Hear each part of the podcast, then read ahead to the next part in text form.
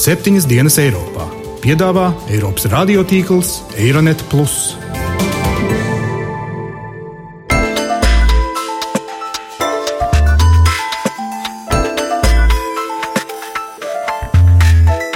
Šonadēļ septiņas dienas Eiropā dzirdēsim. Un tagad, pēc desmit gadiem, mēs esam Eiropā. Ja? Studēju doktorantūrā Parīzē. Ir ļoti bīstami, ja mēs esam vieni.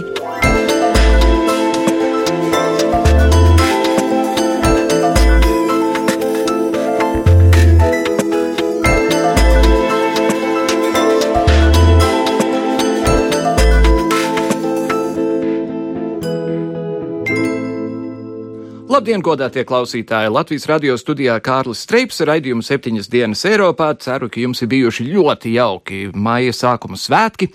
Atkal jau septiņas dienas aiz muguras, tāpēc turpmākās 30 minūtes raidījumā septiņas dienas Eiropā atskatīsimies uz to, par ko iepriekšējā nedēļā runāja pasaule, un pieskarsimies tām tēmām, kas visdrīzāk nonāks Eiropas avīžu virsrakstos tuvākajā nedēļā. Kopš pagājušā raidījuma daudz kas pasaulē ir noticis, daudz kas ziņās rakstīts, lasīts, skatīts un dzirdēts.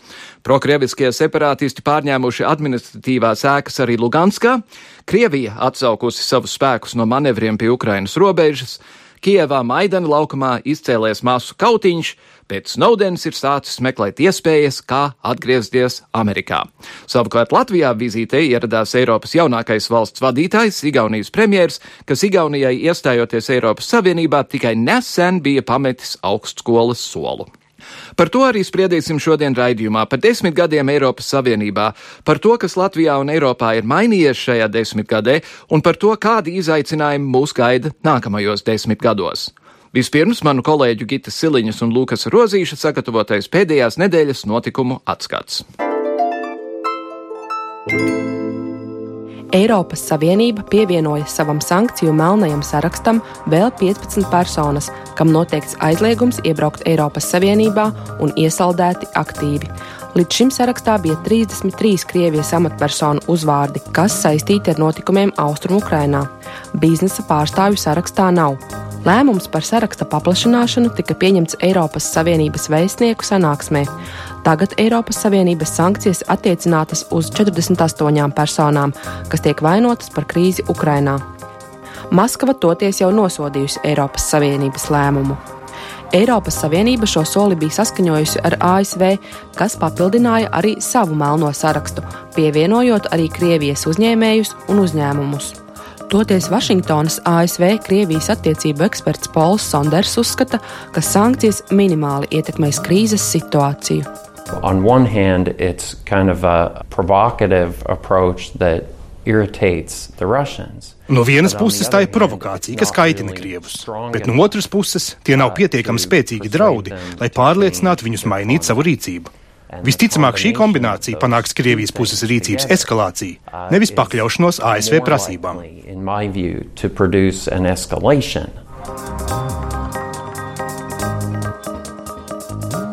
Pēdējās desmitgadēs vēlētāju aktivitāte Eiropas Savienības vēlēšanās ir pastāvīgi kritusi. 2009. gadā tikai 43% Eiropas Savienības iedzīvotāju piedalījās vēlēšanās. Šogad pirmo reizi Eiropas Savienības vēlētāji, balsojot par Eiropas parlamenta kandidātiem, arī netieši ietekmēs nākamās Eiropas komisijas prezidenta izvēli, jo partija, kas iegūs vislielāko balsu skaitu, drīkstēs arī pirmā izvirzīt savu kandidātu komisijas vadītāja amatam. Tāpēc šī gada vēlēšanu kampaņās Eiropas politiskās partijas visur bīda savus vadošos kandidātus ar cerību, ka nedaudz pazīstamas sejas radīs lielāku interesi vēlētājos. Četri galvenie kandidāti ir šādi: Zaļo izvirzītā kandidāte Skā Kellere, sociāldemokrātu vadošais kandidāts un bijušais Eiropas parlamenta priekšsēdētājs Martins Šulcs, liberāļu kandidāts un bijušais Beļģijas premjerministrs Gijs Ferhofštats un Eiropas Tautas partiju izvirzītais kandidāts Žants Klots Junkers. Pagājušā nedēļā šie četri stājās viens otram pretim tiešajās debatēs, kur apsprieda virkni lielo vēlēšanu jautājumu un solīja risinājumus Eiropas Savienības sasāpējušām problēmām. Viņi sprieda par augošā bezdarba un plašo tautības pasākumu ietekmi uz Eiropas izaugsmi. Asa vārdu apmaiņa bija arī par migrācijas un bēgļu politiku un par to, kā saglabāt Eiropas brīvo cilvēku kustību, kā arī par Eiropas enerģētikas nākotni un banku savienību. Nākamnedēļ raidījumā septiņas dienas Eiropā mēs jums sniegsim ieskatu par Eiropas radio tīkla Euronet Plus rīkotajām kandidātu debatēm. Par debašu nozīmi Žāns Klots Junkers. Es ceru, ka šis mudinās vēlētājus un pilsoņus piedalīties vēlēšanās. Ja tāds būs rezultāts, tad debatas bija tā vērtas.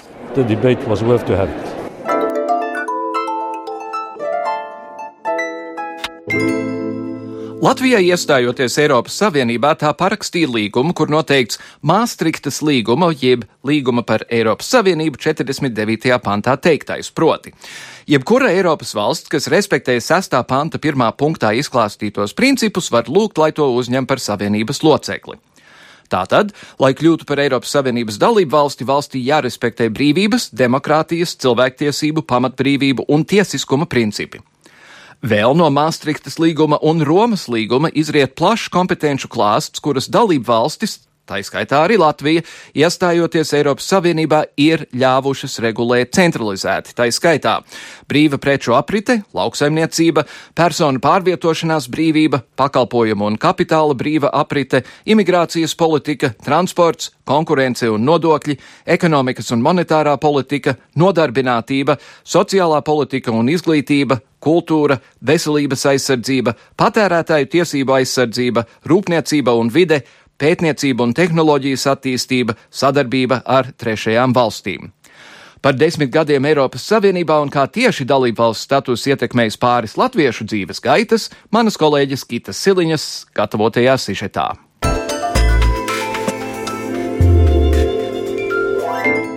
2004. gada 1. maijā Latvija kopā ar vēl deviņām valstīm oficiāli iestājās Eiropas Savienībā tādējādi īstenojot vienu no saviem galvenajiem ārpolitikas mērķiem. Līdz ar pievienošanos Eiropas Savienībai Latvija guva ne tikai iespēju ilgspējīgai attīstībai, bet arī saņēma nopietnus pārbaudījumus. Ir pagājuši desmit gadi, kādas izmaiņas notikušas mūsu sabiedrībā un tautsēmniecībā.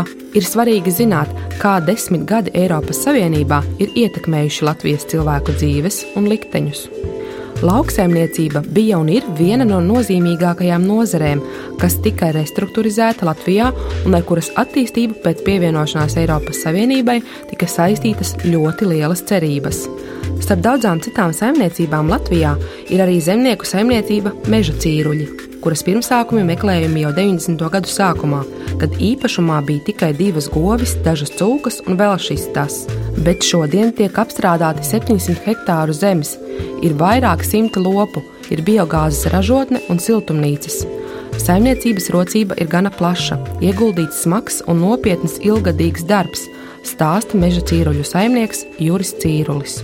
Uz šodien jau viņš ir tiešām tas daudz nozara, bet viņš ir saglabājis joprojām gan to ģimeniskumu, ja tā tad man saimniecībā strādā visi ģimenes locekļi, ja, gan sieva, gan divi dēli, un katrs atbild par savu sektoru. Bet uh, uz šo brīdi jau viņi tādi, varētu teikt, tādi, nu, uz ražošanu tendētu visi tie pasākumi, jo visi saistās ar intensīvu lauksaimniecību gan lopkopībā, gan augkopībā, gan atkal visās pārējās tajās specialitātēs. Savukārt par saimniekošanas izaugsmu iespējām zināmu laiku atpakaļ Juris stāsta šādi. Tās bija uzreiz tās iespējas, ko mēs saucam, kad mēs esam Eiropā, ja, kad mēs ne tikai aizbraucam ekskursijās, turien apskatāmies oh un ah, redz, kā viņiem tur tāda mehanizācija, tāda automatizācija, vai tur, pieņemsim, tāda tehnoloģija vai šī tāda tehnoloģija.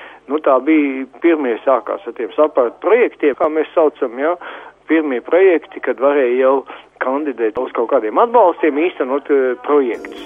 Atskatoties, redzams, ka bijis virkne jauninājumu, kas prasīja pielāgoties jaunajai situācijai, tostarp daudz un dažādas prasības. Prasības, kādas līdz tam mēs tādas nebijām pazinuši, tad vides prasības, visi tādas, tādas institūcijas izveidojās, ko līdz tam mēs savā brīvvalstī nebijām saskārušies ar tādām lietām. Un dabiski, kad mēs viņus uztvērām sākotnēji kā tādas nērtības kaut gan, nu jau ir pagājis, kā jūs teicāt, desmit gadi, mēs jau arī blūdam pietiekami fleksibili, elastīgi, pareizi teikt, mēs tomēr arī jau esam saradušā viņām ne, un pildam šīs prasības, jo tādā vidē mēs saimniekojam. Tāpat meža cīruļu saimnieks atzīst, ka šī nodarbošanās ir ne tikai ļoti smags darbs, bet arī izaicinājums. Ir jāspēj cīnīties un izturēt. Ne visi to var. Redziet, ar to lauksaimniecību ir tā, ka nu, nebūšu nekāds oriģināls cilvēks, ja es pateikšu, ne, ka tā ir tāda smaga nozare.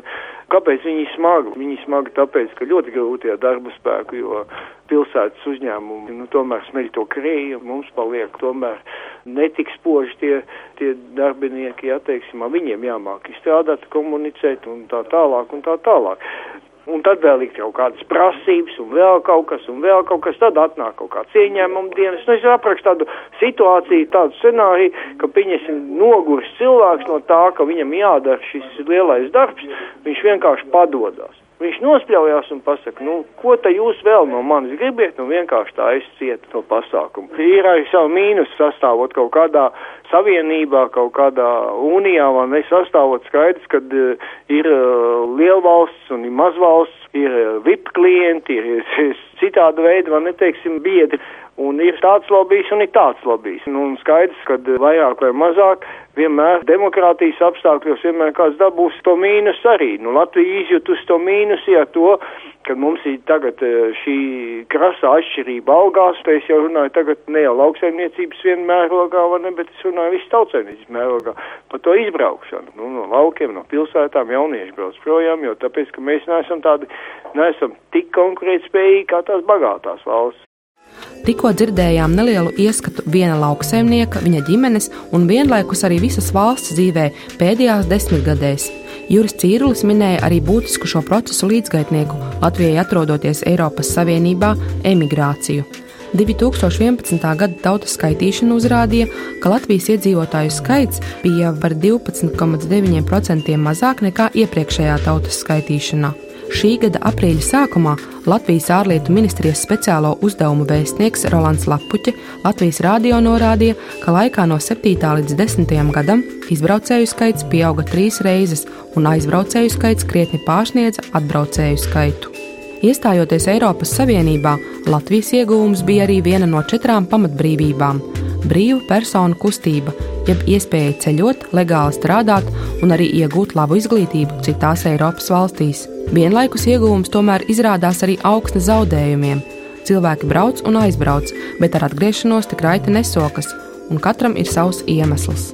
Par savu pieredzi stāsta vēstures doktorante Una Bergmane telefonsarunā no Parīzes. Es esmu doktorante, studēju doktorantūrā Parīzes Politisko studiju institūtā, kur franču valodā tas ir pazīstams kā Sciences Po Paris. Un tas lielā mērā ir pateicoties tam, ka Latvija iestājas Eiropas Savienībā un ka ir šī ideja par studentu mobilitāti. Un tā Latvijas iestāšanās Eiropas Savienībā, viņi ir bijusi nozīmīga ne tikai man, bet principā visai manai ģimenei, jo mēs esam um, trīs bērnu ģimenē, un mamma mūs audzināja viena pati, un līdz tam tie materiāli apstākļi nebija tādi. Un šobrīd ir tā, ka es tad, tad studēju doktorantūrā Parīzē, mēs gan es, gan māsa, mēs esam bijušas studentu apmaiņā, Erasmusā, Francijā, un brālis studē bakalaurā datorzinātni Edinburgas universitātē. Una stāsta arī, ka institūtā, kurā viņa studē, mācību maksa ir ļoti augsta, taču noteikumi ir tādi, ka, ja students ir Eiropas Savienības valsts pilsonis, tad viņa mācību maksu aprēķina pēc viņa vecāku ienākumiem. Sešus gadus Una studē Parīzē un ir bijusi arī apmaiņas programmas ietvaros Amerikā, bet tas nav kavējis būt arī mājās Latvijā. Un man ikdienas darbs ir saistīts joprojām ar Latviju ar Baltiju, jo man doktora tēma, un pirms tam maģistra tēma, ir saistīta ar Baltiju un ar Latviju. Un tādā ziņā tas arī ir iegūms vēstures zinātnē Latvijai, es studēju vēsturi, un tas ir iegūms arī vēstures zinātnē Latvijā un Latvijai kopumā. Savukārt par nākotni Una saka šādi.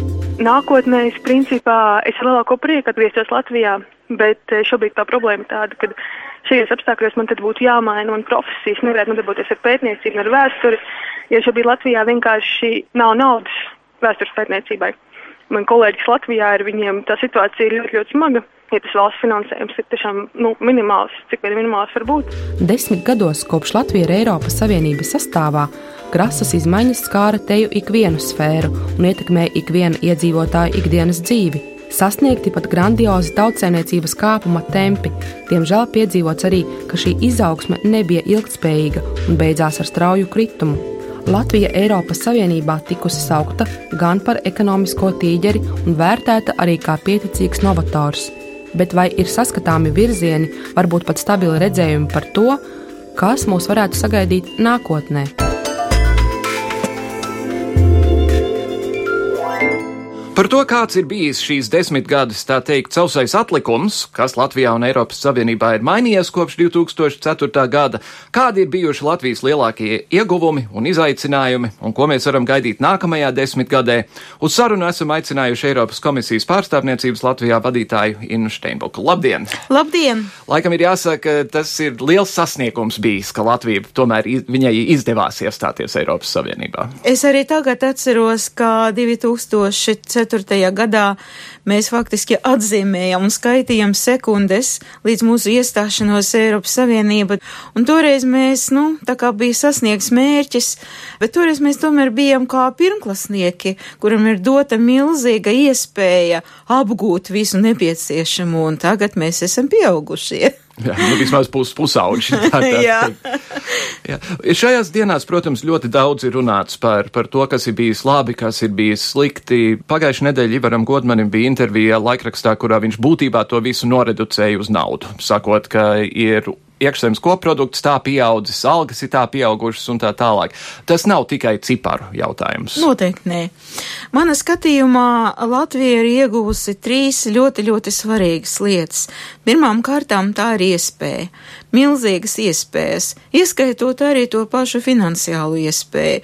Jo, ja ir līdzekļi, tad mēs varam viņus investēt, varam vienkārši apgūt.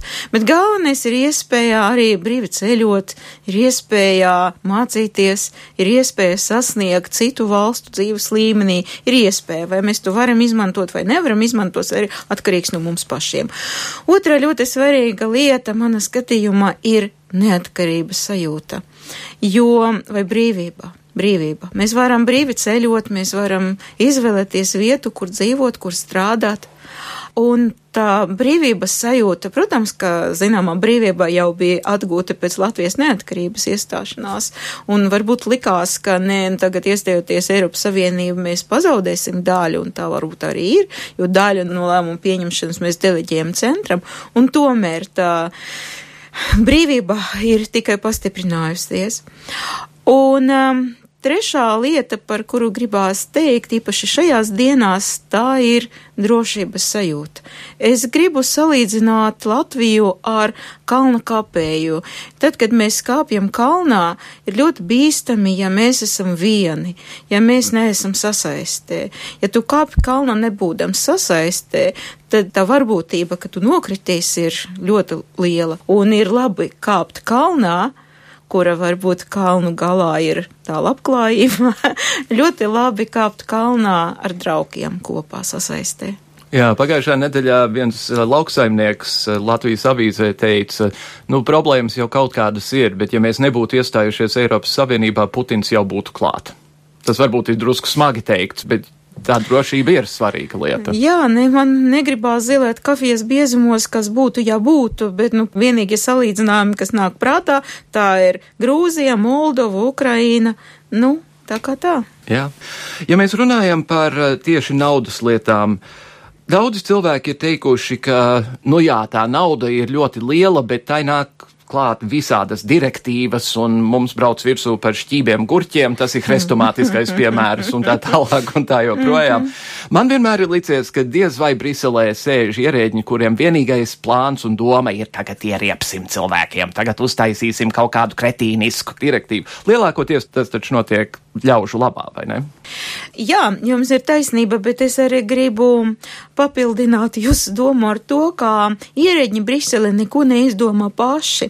Viņam ir tik ļoti daudz darba grupas, un jebkurš lēmums, kurš tika ne tikai pieņemts, bet vispār uzlikts uz galda, pat kā uzmetums, viņš tiek apspriests pilnīgi ar visām dalību valstīm tajās darbā grupās. Un gala rezultātā, ko tās 28 dalību valstis izlems, un vienmēr ir ļoti grūti panākt konsensusu, bet, nu, ko izlems, tās arī būs. Un katrai dalību valstī ir savas tiesības un arī pienākumi izteikties un mēģināt panākt savai valstī labvēlīgāku lēmumu. Tieši tā. Savukārt, ja runā par laukiem, eh, pagājušajā nedēļas skatā no malas mēs par šo lietu runājām, un doma bija tāda, ka jā, Eiropas Savienība milzīgi ir palīdzējusi Latvijas lauksaimniecībai gan ar tiešmaksājumiem, gan platības maksājumiem, gan diversifikācijas maksājumiem. Nelaime tā, ka lauki tagad ir tukši, tāpēc, ka visi ir aizbraukuši uz Angliju un nav neviens, kas to naudu izmanto. Jā, mēs jau runājam, ka viena no pamatvērtībām, ko dot Eiropā, ir brīvība un ka tā skaitā arī parvietošanas brīvība. Vai būtu labāk, ja mūsu cilvēkiem, īpaši krīzes situācijā, tad, kad Latvija pārdzīvoja to smagu krīzi, ja viņam nebūtu kur likties, ja viņi sēdētu savos laukos vai pilsētās un viņam nebūtu ne darba, ne iespējas eh, nopelnīt un uh, nopelnīt sev un savai ģimenei.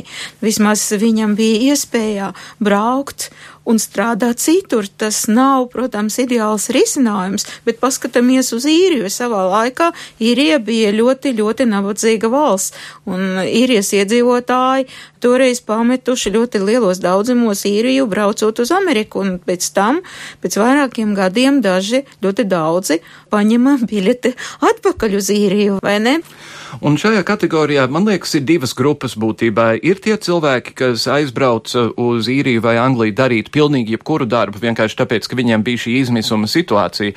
Bet ir otra grupa, kas ir tiešām profesionāli cilvēki, un tieši ārsti un medmāsas un tā tālāk, kurš labs ķirurgs var, var divās dienās Anglijā, Londonā nopelnīt to, ko viņš sešos mēnešos nopelna strādājot kādā no mūsu slimnīcām. Un tad ir jautājums, vai mēs tiešām neesam pazaudējuši savus labākos cilvēkus šajā kontekstā.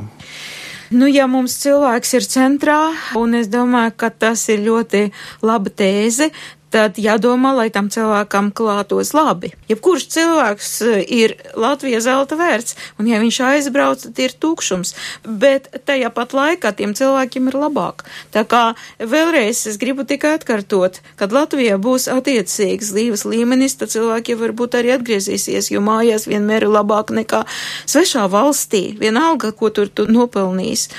Un um, es vienkārši gribu ar skaidriem pierādīt, ka tā situācija tomēr pakāpeniski, bet uzlabojās, jo tad, kad mēs uh, iestājāmies Eiropas Savienībā 2004. gadā, Latvijas vidējais dzīves līmenis, uh, ja mēs to mēram pēc eh, IKP uz vienu iedzīvotāju, tad, tad um, tas uh, ciparis attiecīgi bija 46% no Eiropas vidēja līmeņa, tā kā zemāk nekā vidējais.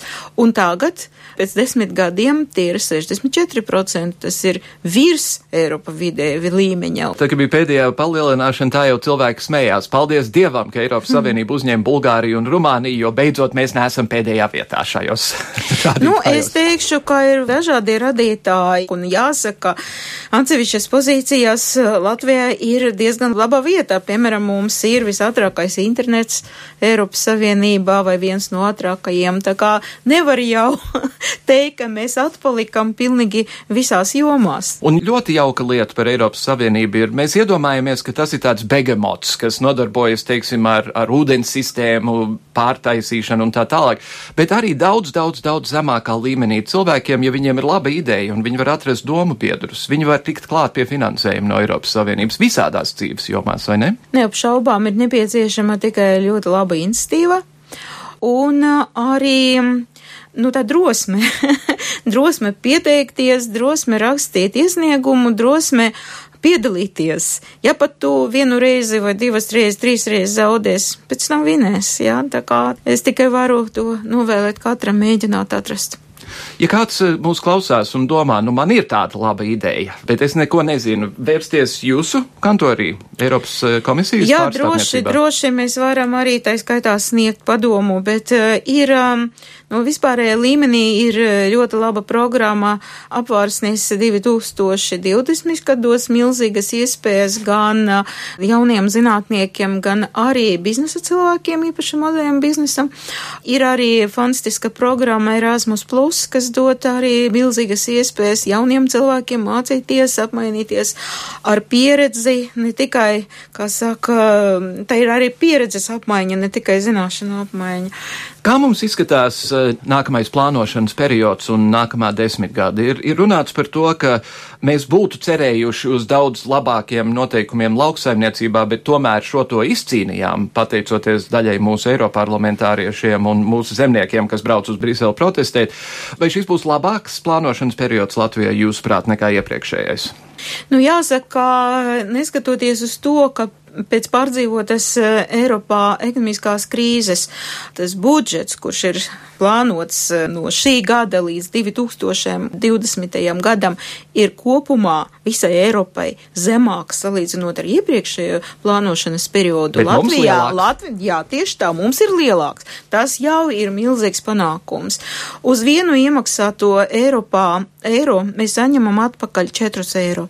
Vai cits salīdzinājums, eh, septiņu gadu laikā Latvija saņems vēl vienu budžetu. Ja? Mums ir Latvijas budžets, mēs saņemsim papildus vēl vienu budžetu. Mhm. Tā kā es domāju, ka tie priekšnosacījumi, tā aploksnē, kuru Latvija ir saņēmusi, ir lieliska. Cita lieta, vai mēs spēsim visu to izmantot, un es gribu atgriezties pie tā sākotnējās manas tēzes, mums ir iespēja. Mums tiešām ir iespēja to visu saņemto naudu investēt labos projektos, kuri dos atdevi, kuri gala rezultātu uzlabos mūsu dzīves līmeni, kuru gala rezultātu dos papildus darba vietas un uh, samazināsies arī cilvēku vēlme braukt no Latvijas prom.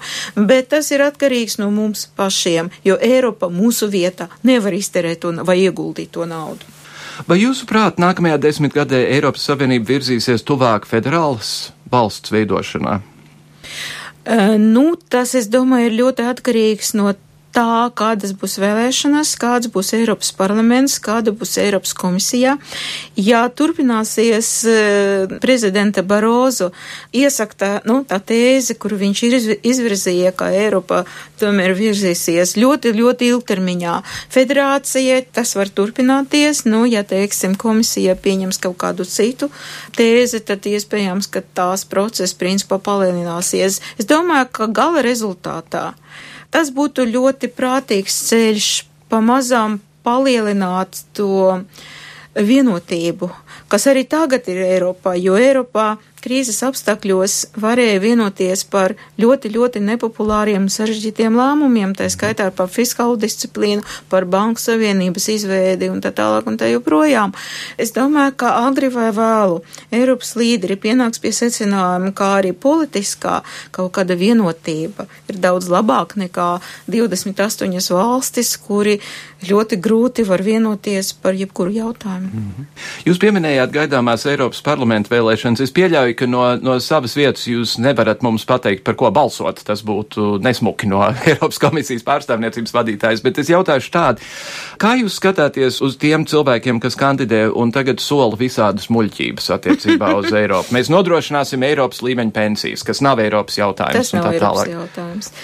Nu, es domāju, ka katram vēlētājam, katram Latvijas pilsonim, kurš dosies uz eh, vēlēšanām, uz vēlēšanas iecirknī, un es tiešām ceru, ka ļoti daudzi no mums dosies, būs, nu, zināmi kritēriji, pēc kuriem viņš tomēr novērtēs tādu vai citu kandidātu. Mana skatījumā, ņemot vērā, ka Latvija ir tikai astoņas vietas Eiropas parlamentā, mums ļoti atbildīgi ir jāpadomā, kāds cilvēks pārstāvēs Latviju. Un manā skatījumā, nerunājot par personāliem, kādi kritēriji, pēc kādiem kritērijiem es izvēlētos. Nu, pirmām kārtām tā ir pieredze, zināšanas, profesionālisms savā jomā. Otrām kārtām līderības spējas, vai tas cilvēks ne tikai pats zina, kas ir jādara, vai viņš spēs arī citus pārliecināt par to pašu, vai ne? Un, um, kādu argumentāciju viņš izmantos. Tātad, un trešā lieta, protams, tas ir ļoti personīgi, kā mēs varam uzticēties. Nu, ja cilvēks, kā jūs sakiet, sola muļķības, tas nu vai nu liecina par to, ka viņš ir demagogs, vai nu par to, ka viņš pats nezina, ko viņš dara un kur viņš strādās. Tā kā es tiešām iesaku ļoti, ļoti stipri padomāt pirms jūs atdosiet savu balsi par vienu vai citu kandidātu.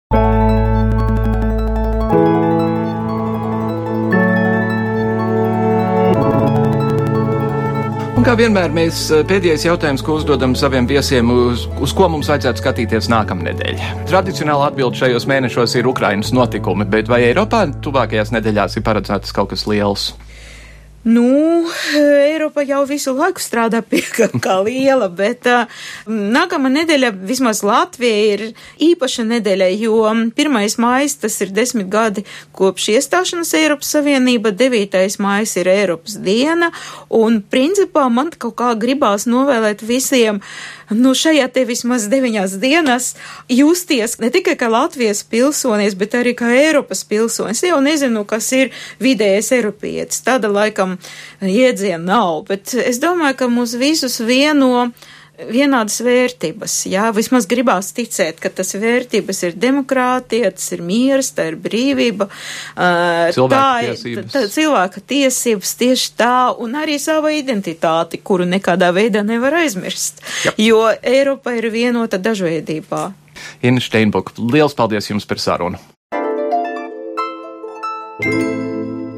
Ar to arī izskan raidījums septiņas dienas Eiropā, dāmas un kungi.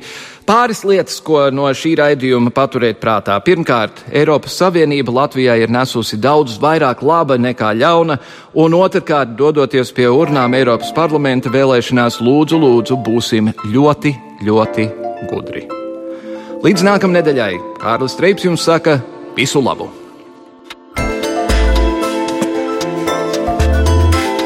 Raidījumu veido Kārlis Streips, Gita Siliņa un Jānis Krops. Producents Lukas Rozītis.